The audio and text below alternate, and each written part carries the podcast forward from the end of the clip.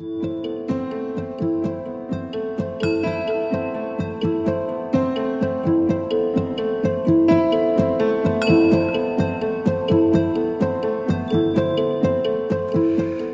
snakke om eh, en bok, 'Likestilling i akademia', som nylig har kommet, og som handler om likestilling i, eh, på universitetsnivå.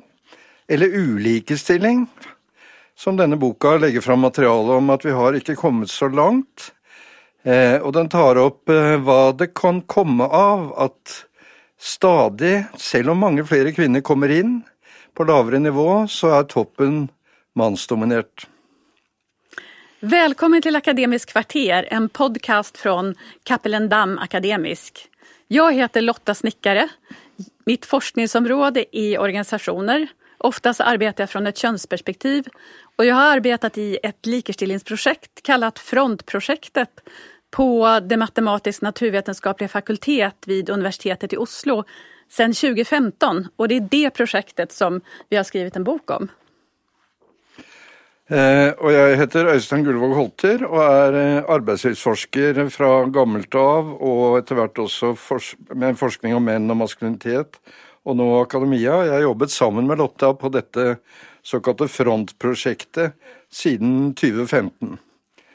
Eh, først og fremst vil jeg si at det har vært utrolig spennende å jobbe med dette prosjektet, og at jeg har, selv om jeg har jobbet mye med kjønn og likestilling i mange år, og det har du også gjort, Lotta, så tror jeg vi alle ble overrasket over resultatene. At det var et såpass stort kjønnsgap i erfaringer, at det fortsatt er såpass tradisjonelle forhold, hvor eh, kvinner som regel trekker seg oppover i karriereveien, eller noen vil si blir skjøvet ut, eller iallfall er manglende balanse på toppnivå, som virker veldig vanskelig å gjøre noe med. Og, det spennende ved boka er jo nettopp at vi går inn og prøver å belyse hva er det som Hva kommer dette av?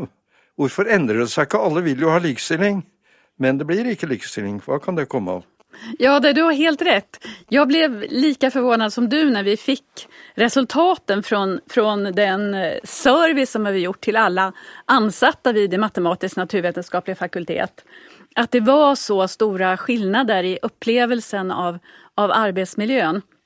Det som også förvånade meg, for vi har jo følgeforsket, det er ikke bare forskning utan vi har også jobbat med tiltak, med workshops for POD-vägledare, med utbildning för, för ledare, eh, med olika typer av eh, nätverk för, för eh, toppforskare. Och, och det som är intressant är ju att vi fick sådana resultat när vi följeforskade på de här tilltagen, att det faktiskt gick att förändra. Det tycker jag också var otroligt intressant. Så noe av det også som ble veldig spennende, selv om det er ganske tungt arbeid Denne boka er litt tung å bære, men den kan altså hentes ut på nett uten å bære den rundt. Men det er jo at den har såpass tungt materiale. Den er både en stor survey, og den er bety altså omfattende på mange livsområder, også litt om privatliv og familie og sånn. Og hvem deler på hva i hjemmet og, og sånne ting. Eh, og masse om arbeidsvilkår, konkurranse, karriere osv. Og så har vi jo, hvor mye er det, 90 intervjuer? Ja, vi har drygt 90 intervjuer, faktisk. Ja. I dybden. Og så har vi følgeforskning, som altså har fulgt mange av disse tiltakene. Og vært til stede da i grupper og seminarer og alt mulig. Mm. Så de tre til sammen gjør at dette blir eh, en ganske solid Vi sier ikke at vi nå har funnet den fulle og hele sannhet, men at det gir et jeg vil si, tror jeg, det mest grundige bildet av akademia jeg har sett på en stund. da. Og uvanlig, i hvert fall i en norsk sammenheng. Ja, Ja, jag tycker det är så roligt just att det inte bara är forskning, att vi inte bara har gjort den här grundliga av hur det ser ut på det matematisk-naturvetenskapliga fakultet. Var kön eller ulikestilling gjøres på fakulteten, i vilka processer, i vilka sammanhang, i vilka möten händer och sker saker som, som innebär att det blir icke-likestilling. Utan, utan att vi också har jobbat med de här tilltagen och ett resultat som förvånade mig jättemycket det var att eh, när ledelsen på, på fakulteten eh, efter det att ha jobbat med ett fem dagar långt utbildningsprogram om, om likestilling och olikerstilling. När de gick ut och sa eh, eh, den könsobalans som, som alla alle vet finnes på fakulteten, at den i varje fall til store deler berodde på ikke-likestilling. Da hendte det noe i hele organisationen. Da ble Eh, då blev diskussionsklimatet helt annorlunda i de andre workshoppar og utbildningar som vi körde med andre kategorier. Da ble det helt plötsligt möjligt å prate om erfarenheter av icke-likestilling som det ikke hadde vært förut. Det tycker jag är väldigt intressant, att liksom ramen för diskussionen i organisationen flyttade på sig. Rett og slett fordi eh, ledelsen tok ansvar for problemet? Ja, for at de tok ansvar for problemet. Da, ja. då blev det mulig å prate om det. Ellers opplevde vi jo mye gjennom intervjuer bl.a. at uh, det er de som opplever problemene, som også ofte får ansvaret for å løse dem. Og det er jo ofte vanskelig, da. De er jo ikke inne i maktens sentrum eller der hvor prestisjen er høyest i akademia. Så det at ledelsen går i spissen for faktisk gjør noe med disse forholdene, det er vel en veldig tydelig konklusjon i boka vår. Vi drøfter jo mye mer grundig enn vanlig her. Dette er jo ikke bare en liten rapport om hvordan gikk et tiltak og var det vellykket eller ikke. Vi går veldig dypt inn i det. Ehm, og ser på virkelig hva som skjer i løpet av prosessen, og endringer. Så Det er også en spennende side, tenker jeg. Ja. Og vi gräver også litt mer i det her. Hvorfor det er så vanskelig å prate om, om likestilling og ikke likestilling. Eh, for at det gjør noe med identiteten hos de som prater om det. Vi vill alla när vi är på jobbet så vill vi bli sedda som kompetenta vetenskapsmän, som kompetenta forskare. Och ifall vi börjar prata om icke-likestilling, då hamnar vi, eller likestilling, då vi i gruppen kvinnor och män. Och då blir det en typ av motsatsförhållande. Att som kvinna så är man underordnad, man är mindre värd, man har inte samma karriärchanser, man är ett offer. Eh, Medan man som man blir överordnad, en del av den överordnade gruppen. Eh, den som kanskje er skyldig til, til å ha fått mer chanser enn man egentlig er värd i sin karriere. Og i de rollene er det ingen som vil være. Vi vil alle bare bli sedda som kompetente individer. Så derfor så är det en sånn utrolig vansklig diskusjon å ta i en organisation. Vanskelig og utfordrende, men da samtidig spennende å se Det er jo særlig del tre av boka som du har bidratt sterkest til og se hvordan dette endrer, dette klimatet endrer seg, da. Mm. Eh, I begynnelsen jo en del av disse opplevelsene av ulikestilling var jo ting som ikke kom opp.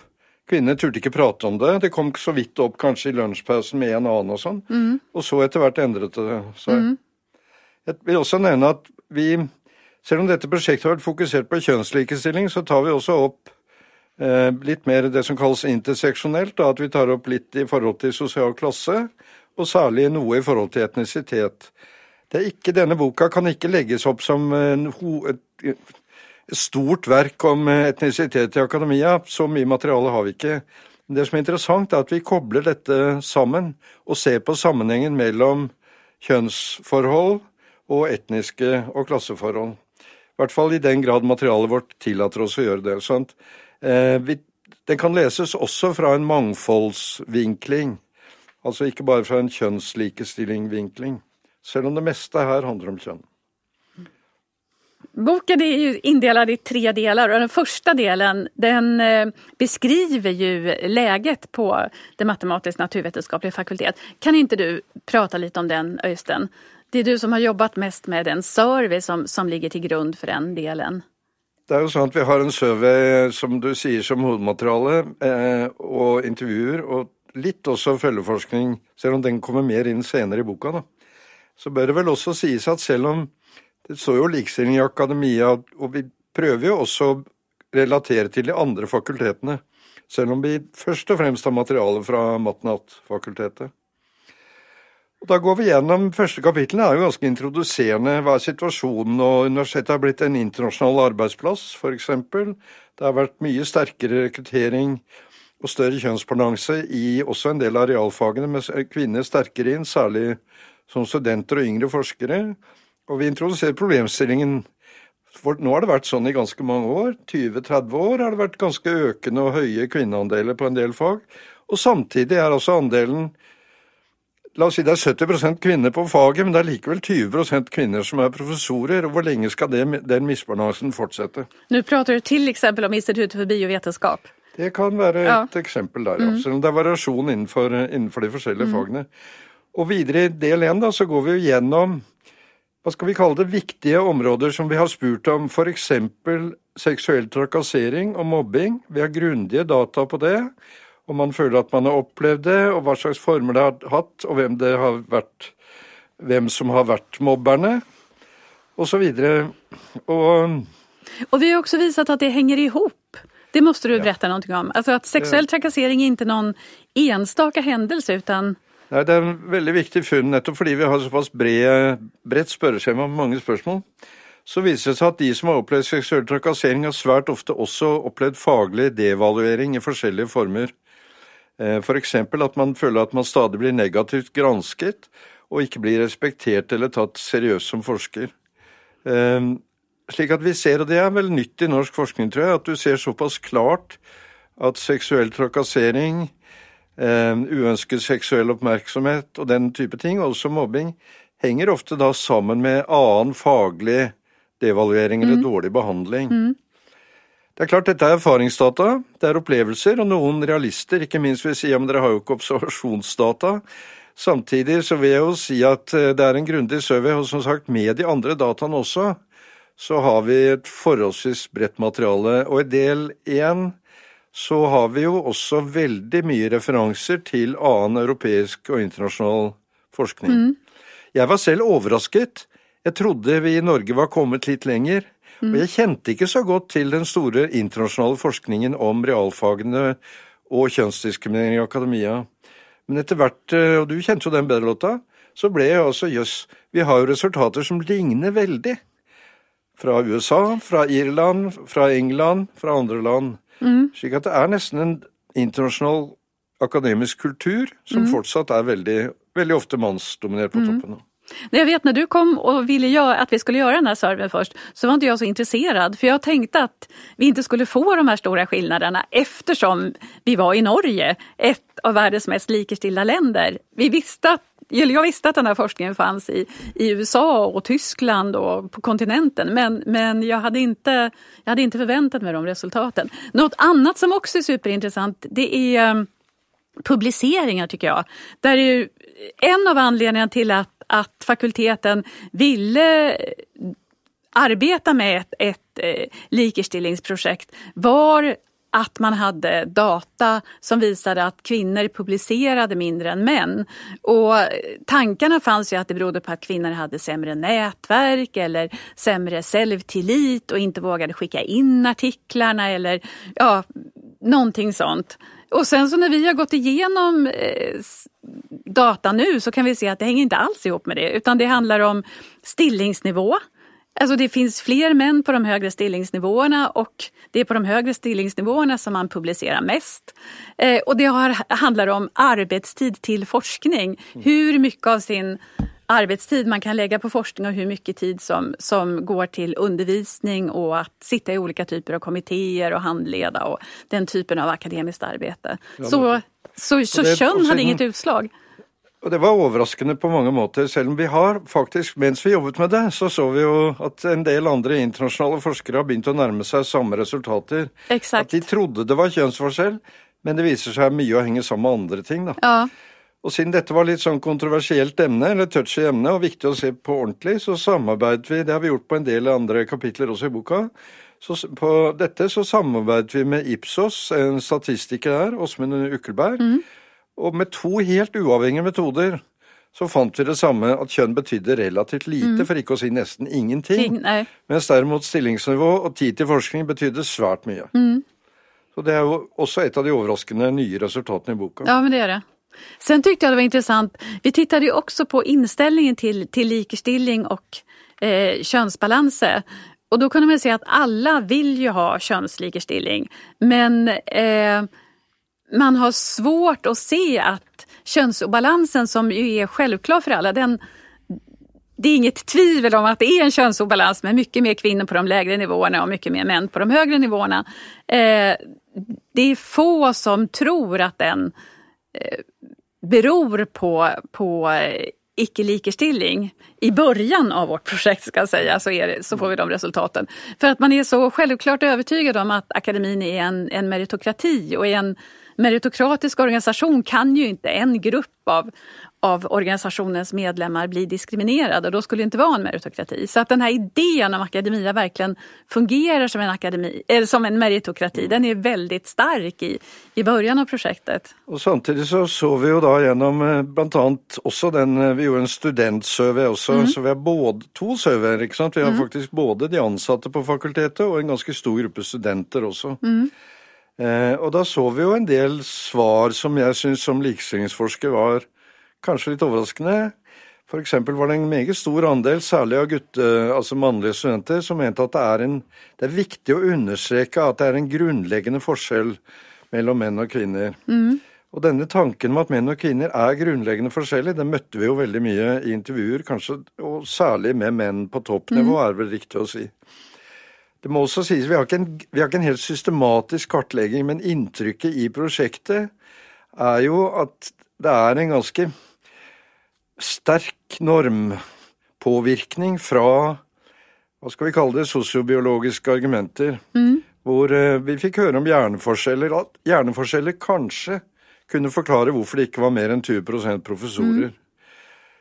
Og det er selvfølgelig på en måte en interessant vitenskapelig debatt, men i vår sammenheng og i forsøk på å skape likestilling på universitetet, så er jo det som å bremse mens du gasser med den andre mm. foten. Mm. Du kommer jo ingen vei. Nei. Hvis det er biologien og evolusjonen som har bestemt at jenter ikke kan bli professorer i matematikk. Nei.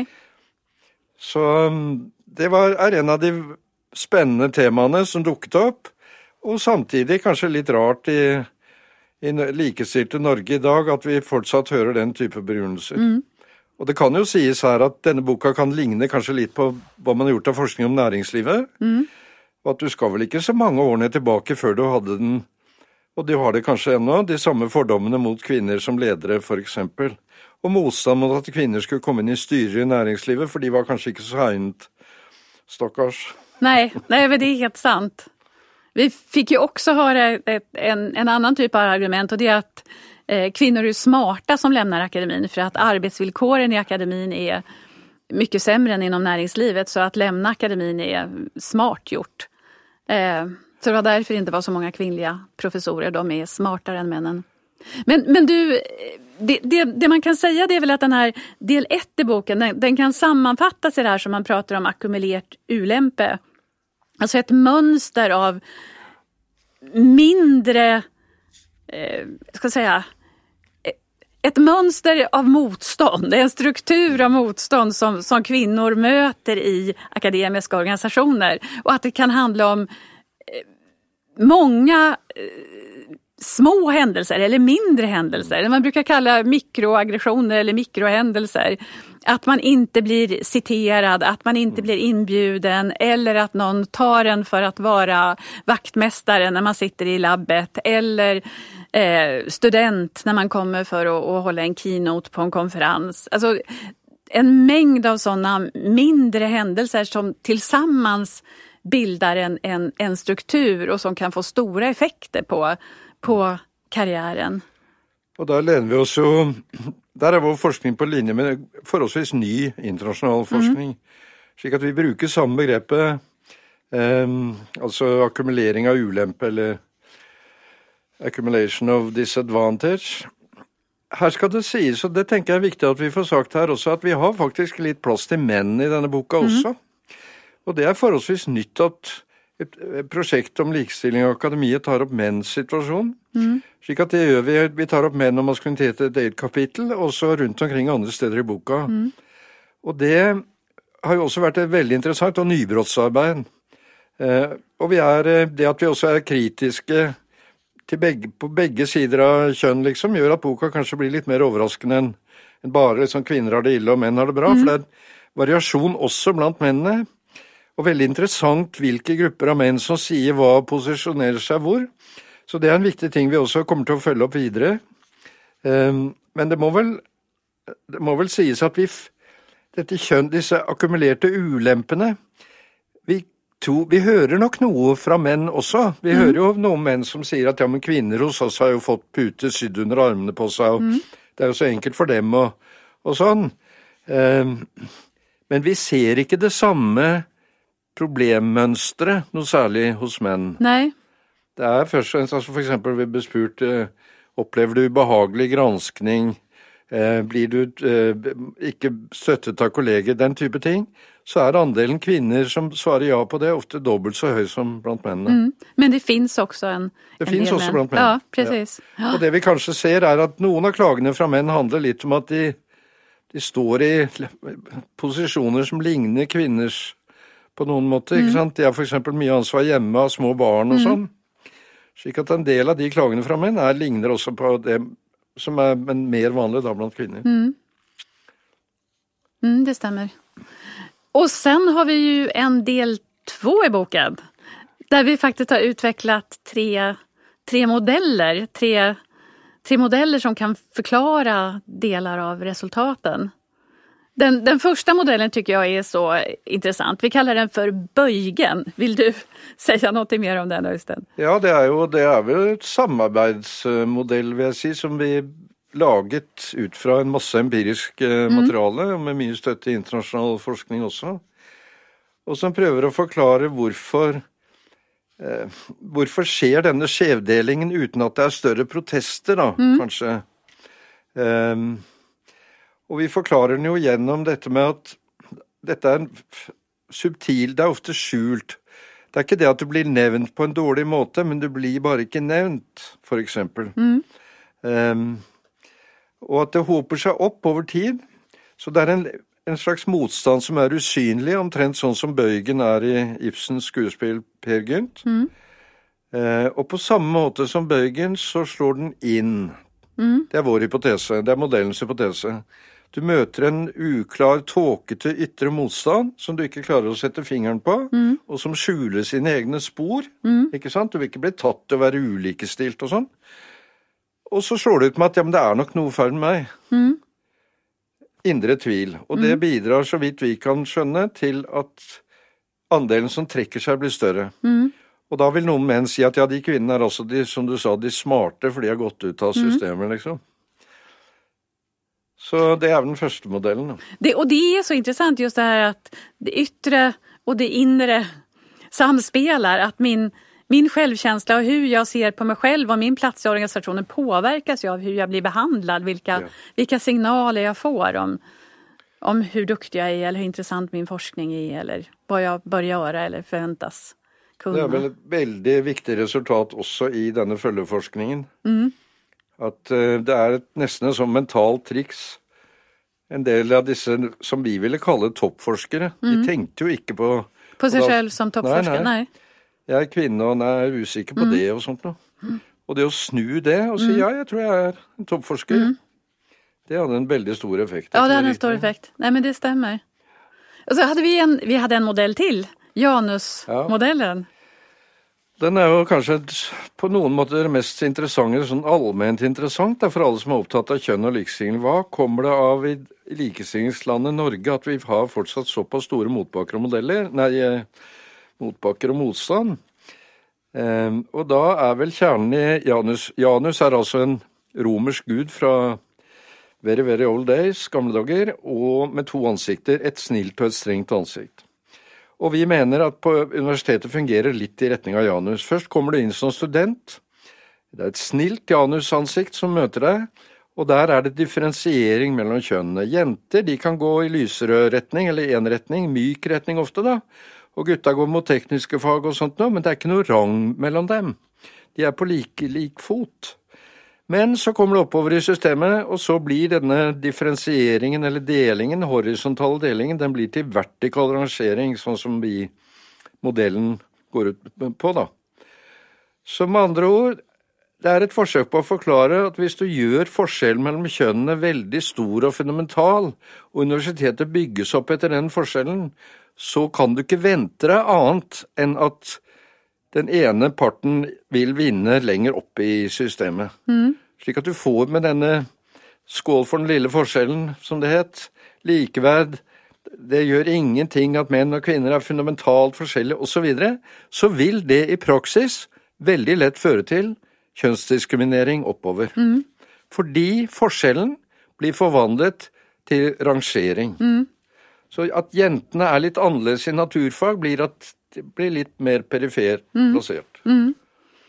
Man kan också se var man väljer någonstans, alltså att, att de delar där det finns mest män är de tradition, ofta de traditionella delarna av fagen där det finns mest resurser, det finns mest eh, PhD-stillingar, det finns priser, det finns eh, de finaste journals medan kvinnor finns mer i utkanten, i det mer tvärfagliga som inte är lika etablerade områden där det inte finns priser eller ja, ja den, liksom, de fina journals som man kan det er vel litt som en kollega av oss, Knut Listøl, som også har bidratt med noen kapitler til noen kapitler i boka. Han har oppsummert en del norske studier av medisin særlig, da. I retning av at jo flere du kan, du kan bare måle hvor mye krav det er for at legen skal snakke med pasienten. For jo større innenfor ulike greiner av medisin, jo mer du må prate med pasienten, jo flere kvinner er det. Ja, precis. ja. Så det vi Hva er utfordringen? Vi håper at folk vil lese denne boka, fordi mm. det er kanskje noe av det mest grundige. Selv om folk er enige eller uenige, så er det i hvert fall et veldig grundig forsøk på å beskrive hvordan akademia virker i dag gjennom dette nokså store, brede eksempelet, realfagene. Mm. Um. Mm. så, så nå har dere hørt en episode av Akademisk kvarter, en podkast av Cappelen Dam Akademisk. Boken 'Likestilling i akademia fra kunnskap til endring' kan lastes ned gratis på nett.